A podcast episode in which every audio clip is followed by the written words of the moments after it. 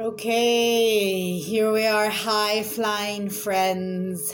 We adore you, and we are so utterly, deeply thankful that you are here with us, listening right here, right now. The now we remind you is your now. When you receive this, when you are physically hearing this, that is the now. Because the lineal now that you live here on earth is not the now is not the true real now. You have decided to come to earth. You decided to come to earth to live this lineal now.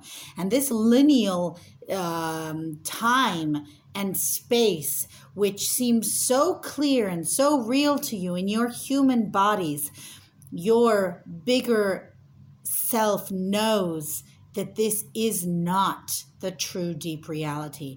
Although you do need to pay attention to this because this is what you've decided to come experience here on earth. And we want to remind you that as well as experiencing this, your job is to remember that the now and the here, the place and the time is absolutely not lineal. And what you do here on this line affects here, here, here, and here.